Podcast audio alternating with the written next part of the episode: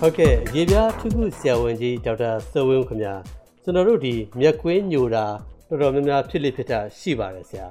ဘလို့မျိုးကြောင့်ဒီမျက်ကွင်းညိုတာဖြစ်ရတာလဲဆရာဒီမျက်ကွင်းညိုတာကတော့ဒါသိတာထင်ရှားတဲ့လက္ခဏာတစ်ခုပေါ့လေဟိုကြည့်လိုက်ရင်မျက်နှာကိုမြင်တာဟုတ်မျက်နှာမှာလည်းမျက်လုံးနေရာအဓိကဟုတ်အထူးဖြင့်မျက်လုံးအောက်ဘက်မှာညိုနေတယ်ဆိုတော့သိတာတာပေါ့အဲ့တော့လူရဲ့မျက်ခုံပေါ်ကအကြီးပြ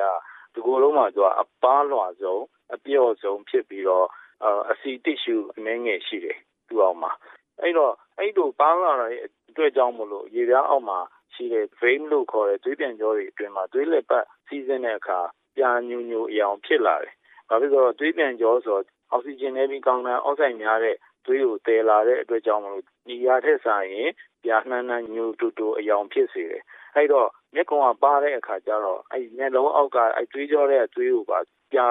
ညူညူအယောင်ကလှမ်းပြီးတော့မြင်နေရတာ။ပြီးတော့အချိန်ကာလကြာလာနဲ့ညသွေးဟာသွေးပြန်ကြောအပြင်ဘက်ကိုအနှင်းငယ်စိတ်ထွက်တယ်အဲ့ဒီအခါကြောင့်မလို့အညိုရောင်ပူကျင်လာပြီးမျက်ကွင်းညိုလာရတာဖြစ်ပါတယ်ဟုတ်ကဲ့ဆရာကြီးဘလို့အကြောင်းရင်းတွေကြောင့်အခုလိုမျိုးအောက်မှာရှိတဲ့သွေးပေါ့နော်ဒီရေပြားတွေဖြတ်ပြီးတော့မြင်ရလောက်အောင်ဒီမျက်ကွင်းညိုတာဖြစ်ရတာလဲဆရာကြီးမျက်ကွင်းညိုရခြင်းအဓိကအကြောင်းရင်းကတော့၃ခုရှိတယ်ဗျ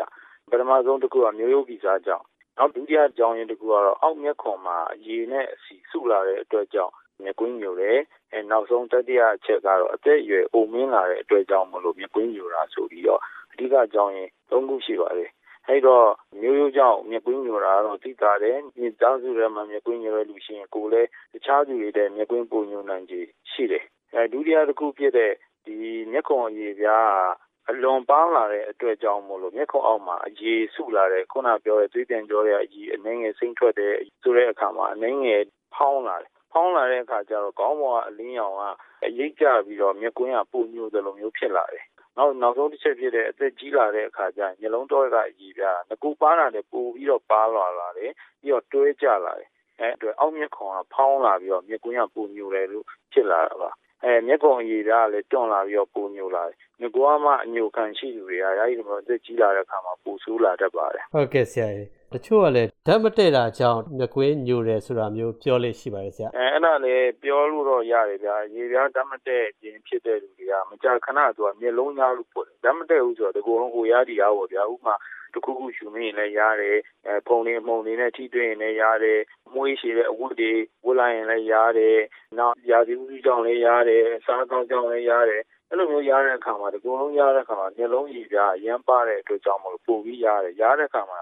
လွယ်တကူပဲပို့လိုက်ကြအဲ့လိုရားလိုက်ပို့လိုက်အချိန်ကြာလာတဲ့အခါမှာမျက်ခုံအယောင်ကပြောင်းလဲလာနိုင်တယ်ဗျအဲ့တော့မျက်လုံးကိုကြာကြာပုတ်လေလေပုံညိုလေလေပဲဖြစ်တယ် အဲရာနာဖြစ်တတ်တဲ့လူတွေပန်းနိုင်ရင်ချက်ရှိတဲ့လူတွေတခါမကြာခဏနှာချီတတ်တဲ့လူတွေကရေပြားဓာတ်မတည့်တာရှိတတ်တဲ့လူတွေဖြစ်တဲ့အတွက်ကြောင့်မို့လို့အဲ့ဒီလူတွေကတာမန်လူတွေတက်မျက်ကွင်းပုံညိုတတ်တယ်ဟုတ်ကဲ့ဆရာဒီအေးရေးပြက်လို့ရှိရင်ရောအဲတချို့အပြောကြတယ်ဗျအေးရေးမောအားလို့မျက်ကွင်းပုံညိုတယ်လို့ ရေဓာတ်နယ်လို့မျက်ကွင်းပုံညိုတယ်လို့အစားအသောက်ကြောင့်လို့မျက်ကွင်းပုံညိုတယ်လို့အဲ့ဒါမျိုးတွေကြောင့်ဖြစ်သလားဆိုအဲ့ဒါတော့ဖြစ်တာနည်းတယ်ဖြစ်လိမ့်မရှိဘူးလို့ပဲပြောရမယ်ဟိုမျက်ကွင်းညိုတာအိတ်ချိန်အနေများနဲ့ဓာတ်ရိုက်တော့မဆိုင်ဘူးဒါပေမဲ့တခုရှိတာကပင်ပန်းနွားနယ်နေမယ်ဒါမှမဟုတ်လေအိတ်ချိန်နဲ့လို့လူကပင်ပန်းသလိုဖြစ်နေမယ်ဆိုရင်တော့မျက်ကွင်းပုံညိုလာတယ်လို့တော့ထင်ရတယ်ပေါ့နော်ဟုတ်ကဲ့ဆရာကြီးနော်ဒီတခြားအကြောင်းရင်းတွေရောရှိသေးလားတခြားအကြောင်းရင်းတွေလည်းနည်းနည်းပြောလို့တော့ရတယ်ဥပမာနေရောင်အောက်ကိုပေါ့နော်အမြဲထွက်တဲ့လူတွေကနေလောင်လို့မျက်ကွင်းညိုတတ်တယ်နောက်တစ်ခါကိုဝန်ဆောင်တဲ့အခါမှာကိုဝန်ရင့်လာတဲ့အချိန်ပေါ့နော်အဲ့လိုအချိန်မျိုးနောက်တစ်ခါမီးရက်ပေါ်နေတဲ့အချိန်တွေမှာအရေပြားပို့ပြီးတော့ပြော့နေတယ်အဲအဲ့လိုအချိန်မှာဟော်မုန်းပြောင်းလဲမှုဖြစ်တော့မြေပြားပို့ပြီးပြော့နေတယ်လို့မျက်ကွင်းပိုညိုလာတတ်တယ် နောက်တစ်ခါသွေးကြောကျယ်စေတဲ့ဆေးတွေကလေမျက်ခုံအောက်ကသွေးကြောတွေပိုကျယ်လာစေတဲ့အတွက်ကြောင့်မလို့ဆေးတွေကြောင့်လည်းမျက်ကွင်းပိုညိုလာနိုင်တယ်ဟုတ်ကဲ့ဆရာအခုလိုဒီမျက်ကွင်းညိုတာဖြစ်လာပြီဆိုတော့ဆရာဘယ်လိုမျိုးကုသလို့ရမလဲဆရာရှေ့မှာပြောခဲ့သလိုပဲဟိုမျက်ကွင်းညိုတာအဓိကအကြောင်းနဲ့မျိုးရိုးကြောင်းတစ်ခုမျက်ခုံအောက်မှာရေဆူတာကြောင်းတစ်ခုအသက်အရွယ်အိုမင်းလာတာကြောင်းတစ်ခုဖြစ်လို့ဖြစ်တာရှိတဲ့အတွက်ကြောင့်မို့ဒီအကြောင်းရင်းတွေကတော့လုံးဝပြောက်ကင်းအောင်ကုသဖို့မလွယ်ဘူးအဲ ဒါပေမဲ့ ကုသမယ်ဆိုရင်တော့ ဒီ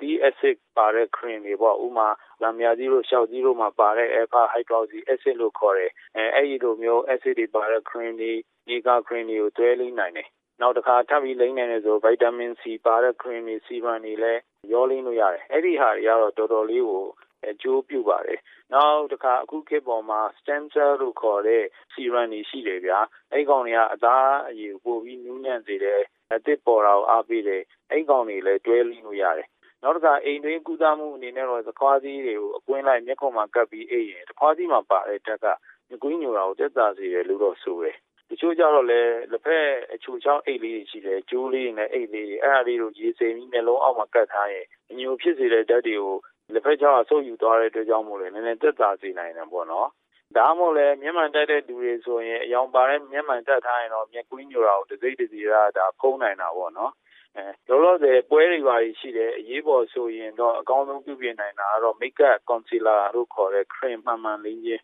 concealer မလိမ့်ခင်မှာ moisturizer ပါတဲ့ eye cream ကောင်းကောင်းကို မျက်ကွင်းတစ်ဝိုက် လက်သကြွယ်လေးနဲ့ အသာရတို့ တို့ပြီးတော့မှ အဲ့ဒီပုံမှာ concealer brush ကိုသုံးပြီးတော့ concealer ကိုကိုလိုချင်တဲ့နေရာလေးကိုဆွဲပြီးတော့လိမ့်ပေါ့နော်အဲပြီးရင်လက်သကြွယ်လေးနဲ့တိုးပြီးတော့ညှိပေါ့နော်ဘာလို့လဲဆိုတော့လက်ကွန်အောက်က area ကျင်းနေဆိုတော့လက်ညှိုးလို့ပါလို့ဆိုရင်ကျန်းနေဗျအားလဲပါတယ်အဲ့တော့လက်သကြွယ်လောက်ဆိုရင်သေးပြီးတော့အားသိမ့်မှာပါတော့ညှိလို့ပိုကောင်းတယ်ပြီးတော့မှ foundation ကိုတို့ပြီးတော့လိမ့်အဲပြီးတော့မှ foundation မြဲအောင်လို့အပေါ်က makeup makeup powder အဲ့ဒါလေးတွေစအဲ့ဒါလေးတွေလိမ့်လို့ရတယ်နောက်တော့ခြားဟိုစက်တွေပါတွေနဲ့ကုသမှုအနေနဲ့ carboxy therapy လို့ခေါ်တယ်သူကအဲ့မျက်ကွန်အောက်ကိုဒီအက်ကလေးနဲ့ဟိုကာဗွန်ဒိုင်အောက်ဆိုက်ထိုးသွင်းတာပေါ့အဲ့တော့မျက်ကွန်အဲ့နေရာပေါင်းပြီးတော့ကာဗွန်ဒိုင်အောက်ဆိုက်နဲ့အောက်ဆီဂျင်အဲ့နေရာမှာလဲလဲပြီးတော့ မျက်ကွန်ညိုတာကိုတက်တာစီရလို့ဆိုရဲလုံးဝကြီးရှင်းရှင်းပျောက်သွားအောင်တော့ခက်ခဲပါတယ်ဟုတ်ကဲ့ဆရာကြီးမဖြစ်အောင်ကာကွယ်နေတဲ့အနေထားပါအဲ့ဒါလဲသူကမျိုးနဲ့ဆိုင်တယ်ကိုယ့်ရဲ့ဗီဇအခန့်နဲ့ဆိုင်တဲ့အခါကျတော့မဖြစ်အောင်လို့ကတော့အခုအချိန်ထိလုပ်လို့မရဘူးဗျဟုတ်ကဲ့ကျေးဇူးအများကြီးတင်ပါတယ်ဆရာ